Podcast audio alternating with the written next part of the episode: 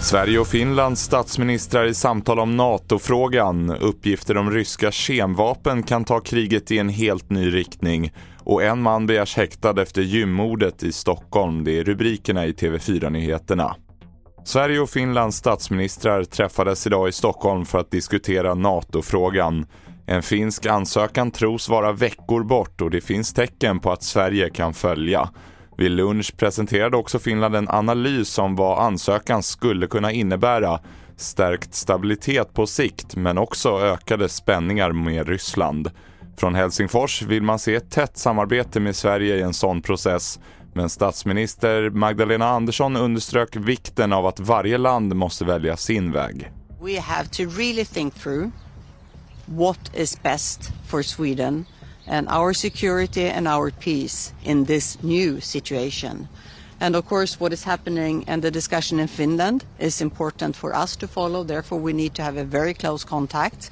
Uh, but we have to have a process in Sweden to think this through. Mer om det här på tv4.se. Den man som i måndags greps misstänkt för mordet på en man i 50-årsåldern på ett gym i Stockholm begärs nu häktad. Det meddelade Åklagarmyndigheten idag och mannen som är i 20-årsåldern begärs häktad för mord alternativt medhjälp till mord. Tid för häktningsförhandlingen bestäms av tingsrätten men sker enligt Åklagarmyndigheten sannolikt imorgon förmiddag. Vidare till kriget i Ukraina där uppgifterna om att Ryssland skulle kunna ha använt kemvapen i Mariupol ännu är obekräftade.